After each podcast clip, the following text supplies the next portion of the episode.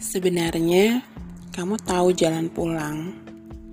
Kenyataannya aku masih tetap di tempat yang waktu itu kamu tempatkan. Aku tidak beranjak sama sekali, dan ada banyak cara untuk memulai komunikasi kembali.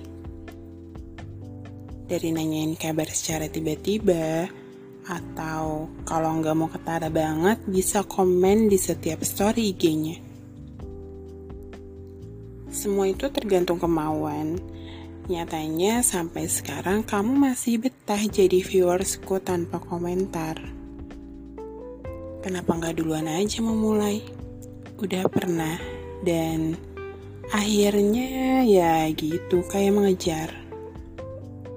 Nyatanya kamu baik-baik aja ya. Lalu bagaimana dengan aku? Setelah kamu pergi, Aku tetap menjalankan hidupku seperti biasa. Tapi kosong. Paham kan?